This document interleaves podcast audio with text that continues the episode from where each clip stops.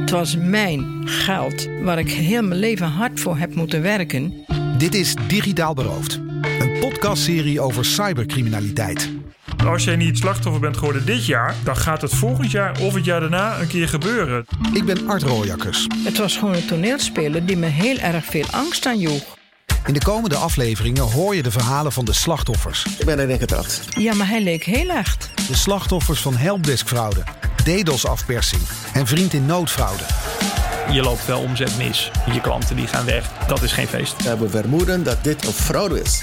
Je hoort hoe de daders te werk gaan, waarom ze dit doen Drugsdeal is gevaarlijker. Je kunt geript worden, de politie kan je oppakken. Hier zit je relatief veilig. Persoonlijke dreiging met dat vuurwapen in het achterhoofd. Dit is een enorm ingrijpende vorm van fraude. en hoe je de daders te slim af kunt zijn. Als het je dochter is die om geld vraagt, benader dan haar partner om eens te vragen of het verhaal klopt. Binnen een half uur was mijn bankrekening leeg. Helemaal leeg. Luister nu naar Digitaal Beroofd.